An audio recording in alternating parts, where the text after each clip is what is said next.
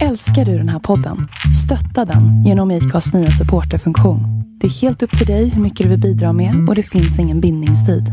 Klicka på länken i poddbeskrivningen för att visa din uppskattning och stötta podden. I'm Sandra, and I'm just the professional your small business was looking for. But you didn't hire me because you didn't use LinkedIn jobs. LinkedIn has professionals you can't find anywhere else, including those who aren't actively looking for a new job but might be open to the perfect role, like me. In a given month, over 70% of LinkedIn users don't visit other leading job sites. So if you're not looking on LinkedIn, you'll miss out on great candidates like Sandra. Start hiring professionals like a professional. Post your free job on linkedin.com/achieve slash achieve today. Even on a budget, quality is non-negotiable. That's why Quince is the place to score high-end essentials at 50 to 80% less than similar brands. Get your hands on buttery soft cashmere sweaters from just 60 bucks, Italian leather jackets, and so much more. And the best part about Quince, they exclusively partner with factories committed to safe, ethical, and responsible manufacturing. Elevate your style without the elevated price tag with Quince. Go to quince.com slash upgrade for free shipping and 365-day returns.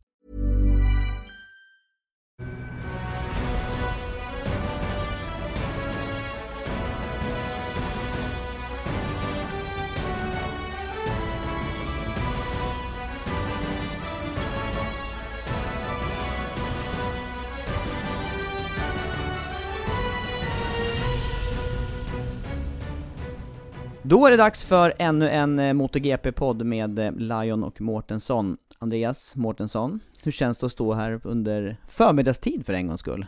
Det känns väldigt bra, vi brukar spela in den här podden på um, kvällar för det är då vi hinner med eh, massa barn och allt vad vi har och jobb och allt vad det kan vara för någonting så att det här känns väldigt bra att spela in mitt på dagen när man är som piggast för en gångs skull Jag Så den här podden lär ju bli den bästa hittills Ja, jag tror också det. Full av energi. Jag känner mig också otroligt pigg. Det är skillnad att stå 10-11 på förmiddagen mot 10-11, 12 på natten som vi ibland har stått. Ja, det, speciellt för mig då som uh, har lite sämre energi mot vad du har Ja, men sen har vi haft några tuffa eh, nattsändningar nu också och eh, det gör ju också att lite spår, det kan jag faktiskt känna också i skallen. Det är inte, det är inte helt solklart allting. Inte allting som har hänt heller under racen om jag ska vara helt ärlig. Nej, vi funderade precis på hur pallen i Moto 2 såg ut och vi, vi kom inte på det där innan Ja, vi fick tänka länge åtminstone innan eh, vi kom på hur pallen slutade i Australien. Nej men eh, det är ändå lite mysigt med, med nattsändningar kan jag tycka. När man kommer in där, man ställer klockan på kvart över ett och sen så tar man bilen in och så tar man en kopp kaffe i lugn och ro där inne och så är det lite hockey där och lite hockeykommentatorer och Nej men jag tycker det är lite mysigt ändå. Det som är riktigt mysigt tycker jag, det är att möta alla på väg in till nästa dags arbete och då är vi klara och har gjort vårt och är, ja, möter en ny dag. Det får man ju välja sen när man använder dagen, den har inte varit så supereffektiv alla gånger. Nej men även att komma in där på natten när folk är på väg till nästa krog, det är också ganska mysigt. ja. ja, det är spännande att se något annat av, eh, av Stockholm och Söder. Men eh, vi har varit i Stockholm och eh, det har körts race, senaste racet då i Australien, Phillip Island. Det är en bana som du har, du har besökt, jag har faktiskt aldrig varit där. Ja, det har jag varit. Förra året på Super så var jag där och besökte den banan. Fantastisk anläggning, fantastisk eh, omgivning, eller anläggningen är väl Eh, Eh, vad ska man säga, den är ganska sliten, den är ganska gammal den här banan men, men omgivningen är ju helt fantastisk och eh, Melbourne är helt fantastisk. Det är jätte, jättefint område att vara på som jag definitivt skulle vilja åka tillbaka till. Och den här banan då som ligger längst ute på, det känns ju som att den ligger nästintill ute i havet. Vissa, vissa kameravinklar så ser det ut som att blir det en krasch här, då, då far cykel och förare rätt ut i oceanen ungefär. Ja, ungefär så, men sen, sen när man är där så känner man inte det riktigt. Man ser inte havet på det sättet som man gör via de här fina helikoptervyerna som finns. Eh, men så ser det ut, den är ultrasnabb dessutom och eh, det fick vi ju det fick vi också bevis på den här helgen. Mm.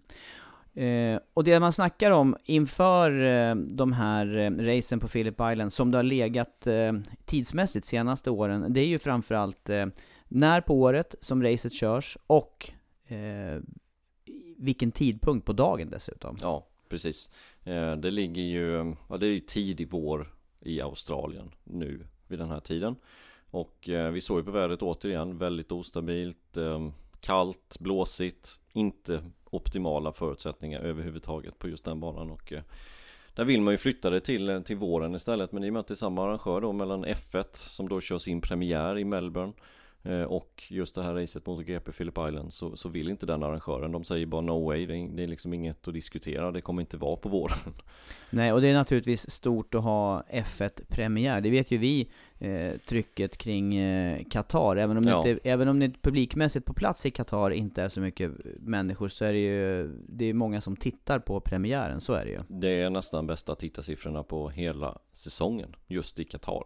Eh, så att där vill ju alla vara på plats, eh, alltså tv-bolag, mediebolag vill visa att, eh, att de är med så att säga. Ehm, och då är det förståeligt att, att arrangören väljer att ha Phillip Island på hösten istället ehm, och fokusera fullt på F1 på våren istället. Även fast man kan tycka att det är lite tråkigt. Mm. Men åtminstone tiden kunde de göra någonting åt. Det är det vi har pratat om också. Att nu gick ju racet klockan 4, 16.00 lokal tid.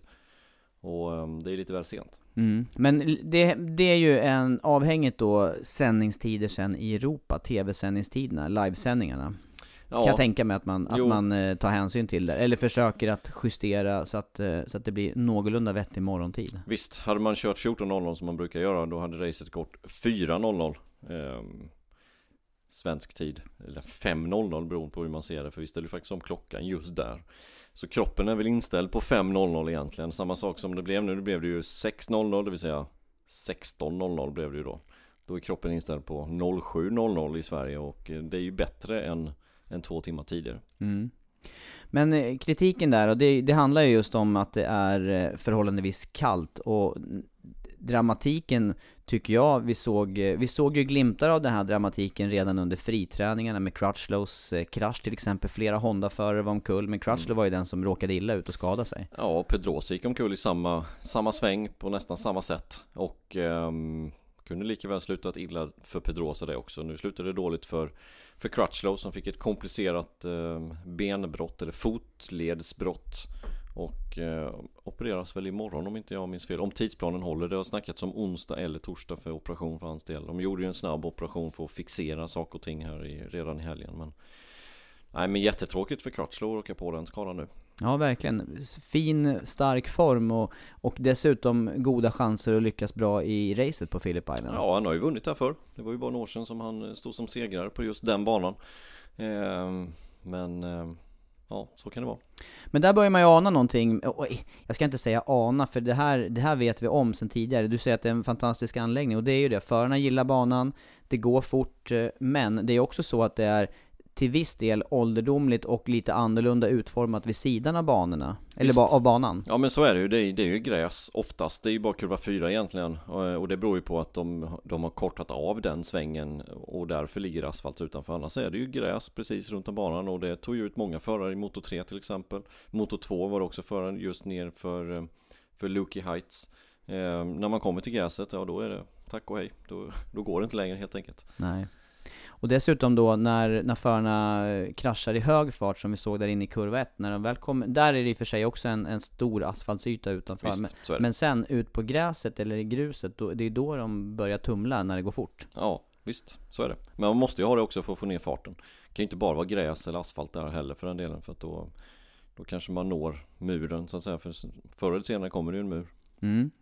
Men det var dramatiskt alltså redan under friträningarna, och jag fick, jag ska erkänna att jag fick lite, lite fuktiga handflator när, när sen kvalet drog igång. Just Q2, avgörande, det, det var ju, tyckte jag, superspännande. Det var ju extremt svåra förhållanden där, men det var ju redan kallt och blåsigt och sen så kom det stänk dessutom. Och det var precis i början också så alla åkte ut på en gång och eh, ville sätta det här varvet. Det är ju Någonting utav det svåraste som finns skulle jag vilja påstå. Man har någonting att köra för men sen så börjar det stänka och man vet inte hur mycket man ska ladda. Man bara Ja, man hoppas på att däcken är varma när man kommer ner till första svängen och att det biter i. Där hade det ju varit skillnad om, om Q1 och Q2 hade varit som ett längre kvalpass och föraren hade varit ute och cirkulerat under tiden och varit igång. Eller vad säger du om det? Hade det varit någon skillnad ja, rent i känslan? Det hade det säkert varit, men inte lika kul för oss som tittar. Nej, men de förarna som sen stod i första startled erkände ju att det där var någonting utöver ja. det vanliga. Ja men det, det sliter på psyket helt enkelt. Det sa ju Sarko, han var ju helt färdig mentalt liksom. Det var ju, han var färdig helt enkelt efter det, efter det kvalet. För det är ju så, det, det har vi varit inne på här men, men eh, man blir bestraffad av att åka omkull på den här banan. Så enkelt är det. Eh, och då menar jag skador. Ja, det, det är alla medvetna om. Och, och det blev ju också sen dramatik när, när väl racet eh, startade. Och det var ju just två förare ur första startled som ganska omgående, eh, där det blev en riktigt dramatisk händelse. Jag tänker den här händelsen mellan Sarko och Marquez. Ja, den var, den var lite läbbig när man, så, när man såg eh, Sarko flyga över depåutfarten som han gjorde. Han fick som en katapult och flög över asfalt. Det var ju det går ju vansinnigt fort, det är ju det som är grejen där och ja. Det som händer då på den här banan, det är ju att racen ofta utvecklas och blir väldigt täta, jämna, förarna har svårt att komma iväg från varandra och det här var ju också inledningsvarven, så där, där var det ju tätt. Men de, de tre förarna som var inblandade, som, som, som eh, var kring den här incidenten. Det var Miller, det var Marquez och sen Sarko som fick en otroligt bra utgång på start och målrakan. Ja, precis. Ehm, det som hände var ju att Miller ledde denna klungan, jag vet inte var han låg i racet, 3-4 kanske någonstans där. Marquez fick, ehm, följde honom helt enkelt ut på start och målrakan. Sarko fick en ännu bättre utgång och kunde på något sätt snika till vänster om Marquez redan i utgången egentligen, Medan Marquez fick slipstreaming bakom Jack Miller. Någonstans Ja, i slutet på rakan, inte, inte riktigt Ja, visst vid mållinjen ungefär Då byter Miller riktning först och främst till vänster. Det vill säga att han, han, han gör så att Marquez tappar den här slipstreamingen. Och istället ger han slipstreaming åt Sarko som ligger då till vänster om Marquez Vilket gör att Sarko får ett ytterligare lite drag och kommer upp nästan Ja, inte jämsides men i, i bakhjulet någonstans på Marquez. Och Marquez är ju på väg mot vänster för att kunna ta högersvängen som är in i kurva 1. Och det är ju en ganska naturlig rörelse i och med att sista svängen ut på Philip Island är ju åt vänster. Vilket gör att då måste man korsa banan för att kunna få in, in till höger. Eh, vilket också Marquez gjorde, men där var Sarko på, på utsidan. Och de touchade ju och eh, ja, båda fick ju bryta racet. Sarko med en vårdlig krasch och Marcus med en tra trasig bakdel, tank, kuts, det såg inte bra ut. Nej, och, och Sarkos cykel rätt upp i himlen och, och sen så flög ju dessutom delar från det här som, som då påverkade de andra som låg ja. väldigt, väldigt nära. Eh, Janone var ju väldigt nära och, och sen låg det delar som, som träffade Aleix Espargaro dessutom. Ja, som flyttade på en platta som han redan har i sin vänsterhand från en skada. Eh, så att det var ju inte heller bra såklart. Nej. Han kunde ju också köra vidare och slutade väl nio om inte jag minns fel. Så att han gjorde det jättebra men får uppsöka någon doktor efter det där. Ja, det, då får man ju verkligen, i, i de där tillfällena, då tycker jag att man får bevis för hur fort det verkligen ja, ja. går och hur fort Visst. saker händer i den där farten också. Ja, man, man, man ser inte riktigt hastigheten på tv faktiskt. Man måste se det i verkligheten för att se hur jäklar fort det går alltså. Ehm, första beviset jag fick för det, det var på när jag var på Mugello Mugello mm. eh, 2006 Det är bra, det är din skolitalienska nu. Ja. Perfekt Andreas att du Mugello. börjar. Ja, det är bra. Bagnaia. Ja, i Toscana. Ja. Toscana. Ja, utanför Firenze. Kanske inte säger Toscana på italienska. Toscani. Ja. Nej, men i vilket fall som helst, jag var på Mugello 2006. Eh, jag kanske har sagt det här innan någon gång, men, men jag var där i alla fall på GP.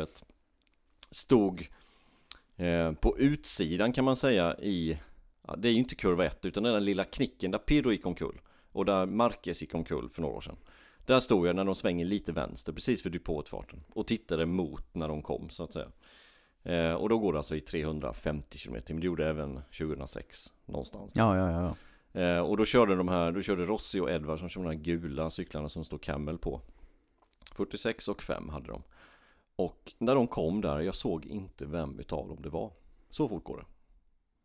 Jag såg bara att det var en gul hoj. Jag såg inte om det var Rossi eller om jag såg inte om det var Edwards. Förrän de hade passerat och bromsat in mot San Donato in i kurva 1. Så fort går det. Det går något vansinnigt fort. Ja. Och det ser man inte på tv på det sättet. Nej jag har nog, jag ska inte, det är inte för att bräcka, men jag har också något liknande just därifrån och sen även på gamla Assen då när det, när det gick som fortast på start och mål där i slutet. Eh, min upplevelse på den tiden när man stod nära, just på tvåtaktseran var det här, då var ju att man knappt hörde motorerna, utan det man, man hörde var skinnställsfladder över, från axlarna på de här formsydda skinnställen. Och, och, och, det bara fladdrade som, som papperstussar i vinden över, över axelpartiet på förarna. Jag tänkte det här går fort alltså. Ja men det gör ju det. Och, och, man ser ju hur fort det går liksom när, när det händer någonting sånt som hände för Sarko. Han flög ju som en vante liksom. Han hade ju noll kontroll på någonting där. Nej. Han hade ju flyt hade han att han för det första inte kom ut i gruset utan höll sig precis i kanten. Och sen så att han höll ihop kroppen så gott det gick. Ja, och det gjorde han ju omgående. Det gäller ju att göra det. Vi hade ju en, en parallell där till Charin som, ja. som gjorde, han gick ju faktiskt av i lägre hastighet. Eh, ja. Och eh, fick ju en rejäl resa sen ute i, i sanden under friträningarna. Ja. ja. Och, och har man väl börjat att vifta med händerna så är det svårt att få in dem sen. Utan det måste ske när du träffar asfalten. Då måste händerna in helt enkelt. Men i ja, vilket fall som helst, de, de går omkull där i vilket fall som helst och eh, eh, Ja, vems fel var det då? Nej men eh, efterspelet här, vi, eh, jag har för mig att vi i sändning eh, inte la så stor vikt vid vem, vem eller om ens någon gjorde något fel. Att det, det, det blir samverkande. Jag tycker man från tävlingsledningen bedömde det där helt korrekt, att det är en racing ja, incident. Absolut, det är ingen som ska bli bestraffad för någonting. Eh, tycker inte jag heller. Utan det är en race incident som kan hända i de här farterna och lite missförstånd där. Men men Sarko är ju för optimistisk. Det, så kan man säga. Han, han missbedömer helt enkelt situationen.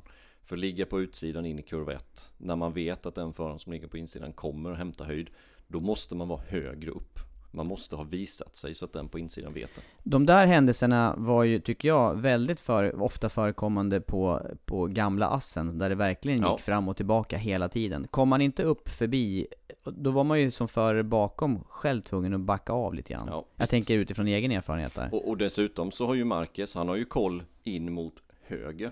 För det är ju dit han ska. Han ska ju in i svängen.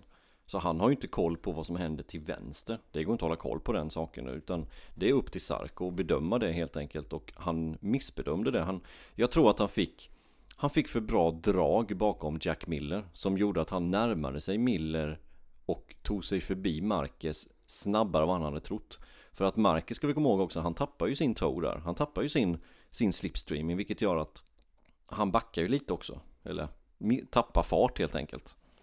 Vilket ja, gör att Sarko, där, ja. ja jämfört med Sarko där som får istället slipstream. Så han kommer ju fatt mycket snabbare än vad han trodde också. Mm. Så att det, det, är en, men trots allt så är det en missbedömning från Sarko. Mm. Ja, skönt att se att Sarko reste sig efter det där och eh, Eh, även var, bad om ursäkt då till Marcus. Så fortsatte ju racet, det blev inte så sen, stor. Sen behövde man inte be om ursäkt kanske. Nej, eh, men, men var inne och kolla läget Ja, men det var bra att de liksom eh, Det var ett missförstånd och det var inget att, att snacka om och det var tur att det gick som det gick. Alla ja. var ju väldigt glada att det gick som det gick för det kunde ju gått så mycket bättre. Även Marcus. Ja, absolut. Men eh, racet fortsatte ju och eh, det blev inte så stor påverkan på jämnheten just utav den där incidenten utan det, det fortsatte att vara hyfsat samlat där inledningsvis med loppet. Ja, tills då Vinales ehm, såg luckan helt enkelt. Han gjorde ju en katastrofstart till att börja med. Han var alltså ner på tionde plats. Lyckas ta sig upp i ledning och få en lucka nästan omgående. Det var ju helt otroligt. Vilken fart han hade. Och den som annars såg starkast ut, så som vi snackade upp inför loppet, det var ju Andrea Janone. Och eh, hans raceutveckling fick lite annan, eh, blev lite annorlunda och, och tyvärr inte så bra som han hade hoppats. Hey, it's Danny Pellegrino from Everything Iconic. Ready to upgrade your style game without blowing your budget? Check out Quince. They've got all the good stuff shirts and polos, activewear, and fine leather goods, all at 50 to 80% less than other high end brands. And the best part? They're all about safe, ethical, and responsible manufacturing.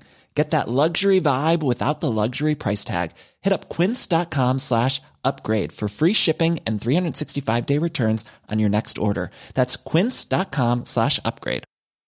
Hiring for your small business? If you're not looking for professionals on LinkedIn, you're looking in the wrong place. That's like looking for your car keys in a fish tank.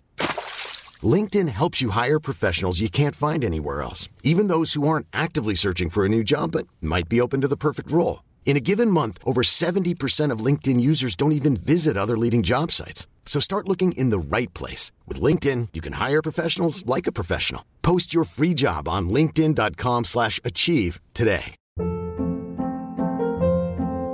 Hold up. What was that? Boring. No flavor. That was as bad as those leftovers you ate all week. Kiki Palmer here, and it's time to say hello to something fresh and guilt-free. Hello Fresh. Jazz up dinner with pecan-crusted chicken or garlic butter shrimp scampi. Now that's music to my mouth. Hello Fresh. Let's get this dinner party started. Discover all the delicious possibilities at hellofresh.com. Nej, det, det fick det inte men han led ju av sin dåliga toppfart väldigt, väldigt mycket. Ehm, de andra lider också av det jämfört med Ducatin. Det är svårt att ta sig förbi Ducatcyklarna. Både Bautista och Dovizioso låg där. Eh, och det är svårt att ta sig förbi dem. Det har alla förarna sagt. Till och med Marcus säger det att det är extremt svårt att ta sig förbi de här Ducati-cyklarna. Senast i Japan sa de ju det. Eh, och, och lider man då ytterligare lite av dålig toppfart som Suzukin för tillfället gör och Janone då blir det extremt jobbigt helt enkelt. Och det blev det för Janone. Ja, och han slet och han körde förbi och han... Eh, när, han väl, när han väl kom förbi, då blev det misstag och han gjorde ett par kostsamma egna misstag där som, eh, som gjorde att han föll tillbaka igen. Ja, det första var ju, det första misstaget han gjorde i kurva 4, det, det var ju det allvarligaste egentligen för att då var han ju ändå på väg ikapp Vinales. Och på, på tiderna såg det ut som att han hade kommit i fatt också. Men som sagt, han gjorde ett ganska grovt misstag och eh, tappade ner. Han tappade ju båda Ducke-cyklarna, han tappade även Rossi. Och då var det ju egentligen kört för honom att ta igen den här luckan. Sen gjorde han ett försök till, men, men lyckades inte den gången heller. Nej. Och eh, snabbspolar vi sen fram då i, i racet så var det också de avslutande varven där som, som blev eh, väldigt intressanta. För då hade Janon bra fart, Vinales var tvungen att reagera och, och lyckades faktiskt med att hålla ja, öka farten en snäpp också. Ja, lite i alla fall. Han hade ju så pass betryggande lucka. Så att eh, han lyckades hålla den luckan. Och Vinales vann ju till slut. Eh, första segern för Yamaha sen Assen förra året. Första segern för Vinales sen Le Mans förra året. 25 race alltså för Yamaha utan seger. Det var ju, det var ju på tiden. Mm. Så gjorde Janone då eh, sitt eh, bästa race för säsongen, men man såg ju efteråt hur, eh, hur det sved att missa segern, för han kände ju verkligen att den, här, ja. den möjligheten var ju på riktigt. Absolut, och eh, jag tycker faktiskt att med de förutsättningar som var efter träningarna så tycker jag Janone gjorde ett dåligt race faktiskt. Han, han förlorade segern, vill jag påstå. Han hade farten för att vinna, eh, men han tog inte den chansen.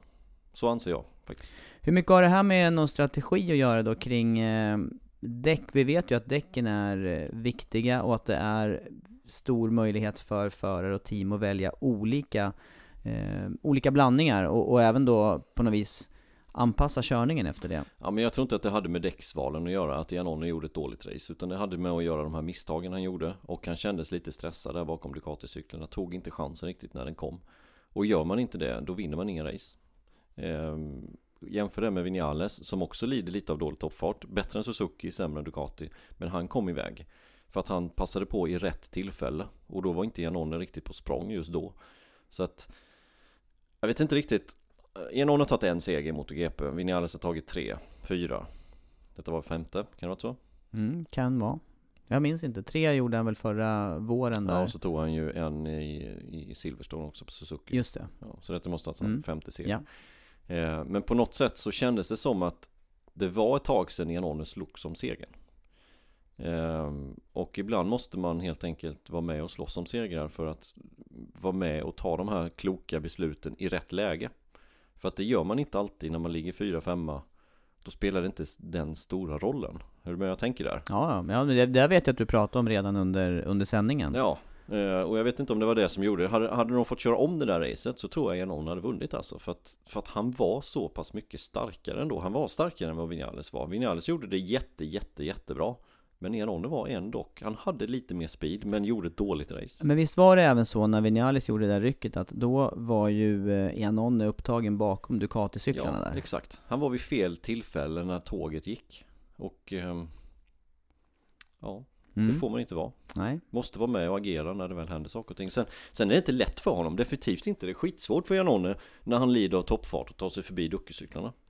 Och du var det ju Bautista med som var, var superhet också. Så att det, det, är, det är svårt. Men mm. eh, han hade speeden för att vinna. Och Ducati gjorde ju ett, eh, de gjorde ju ett eh, jättestarkt race då. Jämför med Doviziosos fjolårsresultat där, 13 och nu blev det pallplats. Och sen då dessutom backa upp det här med Bautista som ersätter Lorenzo och slutar fyra och faktiskt fightas om eh, Sista pallplatsen. sista pallplatsen ja. Jätteimponerande av Bautista faktiskt och eh, Tråkigt att han försvinner ur klassen ändå också även fast han, han faller lite på åldersstrecket också han Han är några år för gammal för att få en riktigt bra styrning i den här klassen och, och Men ändå tråkigt att man blir av för då visar han sin kapacitet helt enkelt Fick mycket beröm av Dovizioso efter, efter racehelgen Ja här. det ska han också faktiskt Ja, väldigt bra. Och dessutom ska vi komma ihåg för Bautistas del med tre krascher i ryggen då innan, Ja. innan racet. Det, det krävs lite för att, för att fortsätta och trycka på i, under race-distans. Ja, visst gör det Och även en FP2 där han bara körde fem varv och sen kraschade han och sen kom han inte ut med heller så att Ja, nej men jättestark helg av, eh, av Bautista Mm. Eh, ja, nog om MotoGP på Phillip Island, eller vad säger du? ja, Besvikelse för Rossi Sexa Hans teamkompis går vinner Inte, inte bra helg alls Nej, vi får se om eh, Yamaha lutar sig mer åt eh, Vinales feedback då. För klart är att de drar lite åt olika håll där, Rossi och Vinales. Kring vad man vill med, med utvecklingen på hojen. Ja, så är det. Vinales vill en, ett håll och Rossi vill ett annat håll. Eh, nej, jag vet inte vad Rossi ska hitta på riktigt. Det känns som att Rossi är den starkare utav dem när de fightas om fjärde, femte, sjätte. Men när det handlar om pallplatser, vi såg det senast i Thailand, vi såg det senast nu. När det handlar om pallplatser, då är Vinales lite starkare. Så känns det utifrån just nu. Och Rossi behöver hitta tillbaka till till bra speed även när de slåss om pallplatser. Kritiskt eh, skede då efter, efter säsongsavslut här. Ja, och, och sen en annan sak. Vinales tog segern, det gjorde han. Han gjorde det rättvist i racet, absolut. Eh, men är Yamahas problem borta? Ja, jag är ju ytterst tveksam till det. Faktiskt. Phillip Island är ju en, en väldigt speciell bana, ska vi komma ihåg. Det är en ultrasnabb bana, det har jag varit inne på. Eh, resultaten där brukar alltid vara väldigt, väldigt tajta. Eh, Tittar vi i Superbike-VM till exempel så ser man alltid Man ser alltid lite konstiga resultat på Philip Island. Så att jag tror inte Yamahas problem är borta bara för att de tog en seger. Nej, vi får se här nu då med, med nya förutsättningar. Det är racehelg eh, alldeles strax igen på, på Sepang och då är det ju annan, eh, annan typ av bana och an, definitivt andra förutsättningar Ja, vad tror du då? Vad tror du om Yamahas eh, performance? Nej, jag tror att det kan bli, jag tror att det blir svårt i- igen här nu på Sepang faktiskt. Det tror jag. Och Ja, så jag vidare tror inte, så det. vidare inte regnar. Ja, Då, då är precis. jämnast det ju naturligtvis Nej, alltså ut. vi ska inte ta någonting ifrån Vinales seger. Det var, det var jättestarkt race han gjorde. Han planerade perfekt. Men, får vi säga men, återigen. Lorenzo var inte med. Marquez bröt. Sarko bröt. Dovizioso, det är en av hans sämsta banor personligen. Det är en av de sämsta banorna för Ducati. Ja, Mm, du hör ju, det finns, det finns faktorer som, som skulle ha kunnat ändrat på det här. så känner jag också. Ja, Ja, så känner jag också. Ja Yamaha har, har att göra vidare. Ja, de har det. De har det. De behöver ta... Däremot, det det den här segern kan, eh, kan göra, det är ju att ge dem en boost inför eh, nästkommande säsong. Vi får, vi får hoppas på det. Jag tycker, eh, det kan vi ju faktiskt avsluta det här Phillip Island-snacket om. Det var ju faktiskt så att det var även KTM och Aprilia inom topp 10. Så att Ja. vi hade alla sex fabrikaten i topp 10. Precis. Och det säger ju en del om den här banan just som Absolut. utjämnar skillnader ytterligare i ett redan jämnt mästerskap. Ja. Och eh, det, det var min tanke här att fortsätta. Vi har snackat lite grann med säkerheten här och eh, race, eh, eh, racet på Phillip Island. Men jämnheten i både, framförallt på banan det vi ser, det är ju inte bara i MotoGP. MotoGP var inte ett av de absolut jämnaste, men vi hade ju det så sent som eh, i Thailand. Eh, Ja. den, den jämnaste pallen, eller topp 5, eller hur var det där? Någonting Ja. sånt. Pallen i alla fall. Och inom tre tiondelar var de ju de eh, tre i toppen ifrån eh, Thailand-racet. Ja. Men eh, Moto 3, jag måste bara, måste bara stanna till där för att Moto 3-racet, när, när de gick ut på sista varvet, då bara gapade jag. jag. Jag tror att du hade samma känsla. Ja, det, det var det värsta jag sett alltså. Eller värsta eller bästa eller vad man nu vill eh, säga. Men det var ju helt otroligt var det ju. Jag tittade på, på tiderna sen. När de passerade mållinjen Ut på sista varvet Så, skäl, så skilde det Ja, 33 hundradelar. Nästan 34 hundradelar Alltså 0,338 sekunder. Topp 15 Topp 15, det, det, är ju, det är ju mindre än i starten. Det är mycket mindre än i starten. Och tittar man på, där, på den där bilden, den där helikopterbilden som, som vi fick ifrån, eh, ifrån eh, produktionen då, Ja. när, när förarna gick in mot första sväng. Den, den eh, har ju Då- du lagt ut på, på. Instagram också. Och där är det ju, räknar man hojlängder uppskattningsvis, om det är 15 förare på den bilden så är det ju, det är ju inte 10 hojlängder som skiljer dem. Nej det är det definitivt inte och, och det blev ju ännu tätare Detta var ju över mållinjen jag sa 300, alltså 338 000 delar eh, Men tittar man Det blev ju ännu tät, tätare in mot första sväng och den här bilden är tagen Där är det ju ännu, ännu lite tajtare Det är ju det är knappt två tiondelar Nej. Och så, fortsatt, och så fortsatte det dessutom hela varvet, och över mållinjen var det ju fortsatt ehm, Ja, topp 14 var ju inom en sekund. Ja det var, det var ju bara Öttel som hamnade utanför topp 15 där Han, han blev ju 2,1 sekunder efter och sådär Och han blev ju uttryckt av Martin ut i kurva 2 Ja, På sista exakt. varvet. Mm. Och annars hade vi, annars hade vi haft topp 15 inom en sekund, det är det hade vi haft, garanterat. det hade vi haft Och det kommer vi någonsin ha det Jag, jag vet ju bara ett race som jag kommenterade på eh, i Tjeckien för några år sedan. Då, då tror jag att det var två sekunder som, som var cirka två sekunder. Då hade man i alla fall ingen poäng. Men, men det här var ju så tätt så att man hade Jag ju tittade inte... ju upp det där Under sändningen faktiskt, Ja. just det För jag, du kommer ju ha hört att du har tjatat om det där racet i Brno nu hur många gånger som helst jag var Det kan släppa det nu. att, Ja, jag var tvungen att titta, hur tätt var det egentligen? Nu har jag inte siffrorna i huvudet, men det var ju inte ens i närheten av vad detta var Nej. Det var ju så långt ifrån så att Det var ju nästan ett F1-race I I avstånd, i, täthet jämförelse då? Ja Eller hur precis. tänkte du? Vad var Ja, precis, i jämförelse Ja, ja. Mm. Ja, det, det kan vi konstatera. Men det är alltså jämna, jämna race. Det var jämnt även i, i Moto 2, men det här i Moto 3 som vi fick se, det var ju något alldeles extremt. Ja, det var det, det var det faktiskt Eh, Kortbanemästerskapet där också, Besecki fortsatt otur, eh, får man ju säga. Det var ju, det, det, man kan inte säga någonting annat om Nej, den Nej, händelsen. nej, det är jätteotur eh, Blir kulldragen av Rodrigo. Rodrigo som skadade benen ganska allvarligt där Men han kom till start, det var bara skrubbsår men så rejält skrapat ut. Kommer till start, men eh, nej men han eh, Ja han tog med sig Bisecki ut helt enkelt. Bisecki styr upp, eh, styr av upprätt och går omkull på gräset i den farten som han kommer i. Så att 12 poäng i mästerskapet nu till Martin. Mm. igen. Där är det fortsatt eh, tätt i alla fall och Besecki har ju eh, fortfarande möjlighet att och, eh, ta tillbaka de där poängen. Man måste ha någon förare mellan sig. Det räcker inte bara vinna om Martin slutar tvåa här. Nej, det gör det inte. Eh, och det var lite synd det för han, för han, han såg stark ut på, på Phillip Island.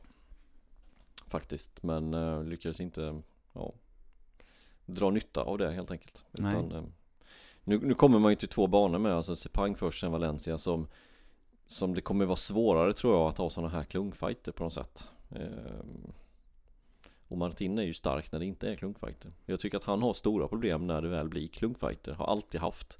Det är därför han försöker på de här rycken i inledningen av racet för att dra isär det. För att när, när det väl blir klungfighter då är, då är han sällan segrande ur den striden.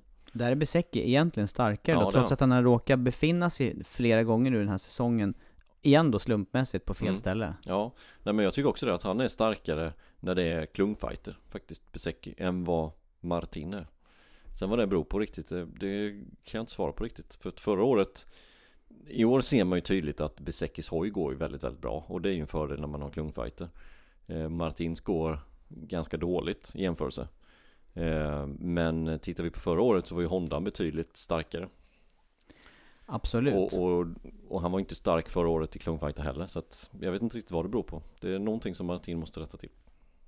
Ja, vi lär ju få svaret här de närmsta två helgerna. Och först då eh, Sepang redan eh, natt mot fredag. Eh, liknande sändningstider som, eh, som de övriga nattracen här. Det är lite, lite mer sovmorgon. Kvart i fyra startar vi både natt mot fredag och natt mot lördag. Ja, och sen racet klockan 8.00 på söndag morgon. Då är det ju, då är man ju supervaken allihopa. Ja, ja, ja, det lär ju vara fulla tittarsiffror hemma. Ja, ja, det kommer vara full aktivitet ute på gatan också. Det, Ja, ja.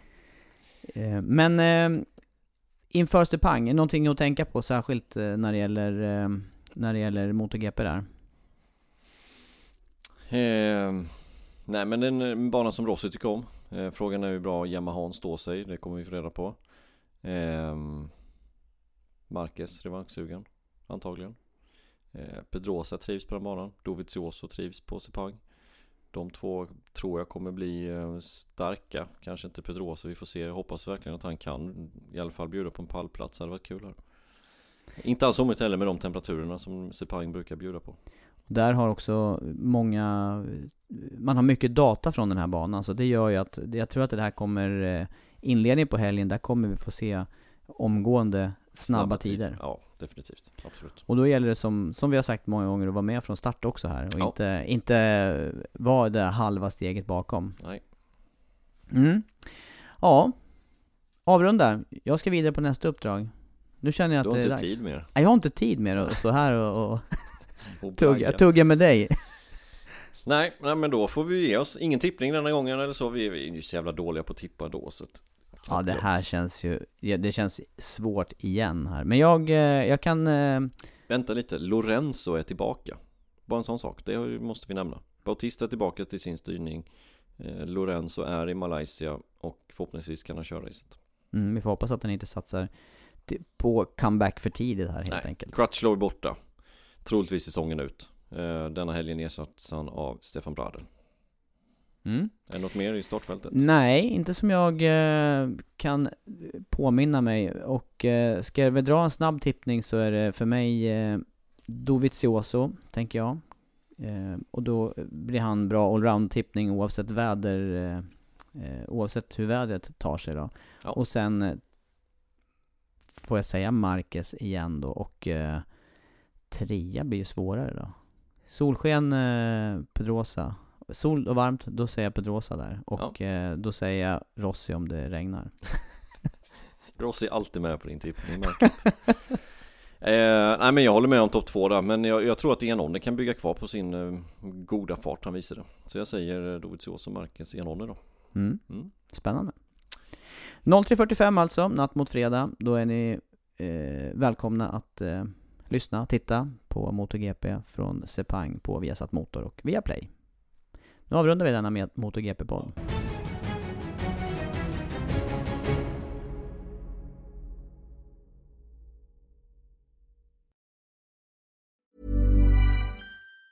Even on a budget, quality is non-negotiable. That's why Quince is the place to score high-end essentials at 50 to 80% less than similar brands. Get your hands on buttery soft cashmere sweaters from just 60 bucks, Italian leather jackets, and so much more. And the best part about Quince, they exclusively partner with factories committed to safe, ethical and responsible manufacturing. Elevate your style without the elevated price tag with Quince. Go to quince.com/upgrade for free shipping and 365-day returns.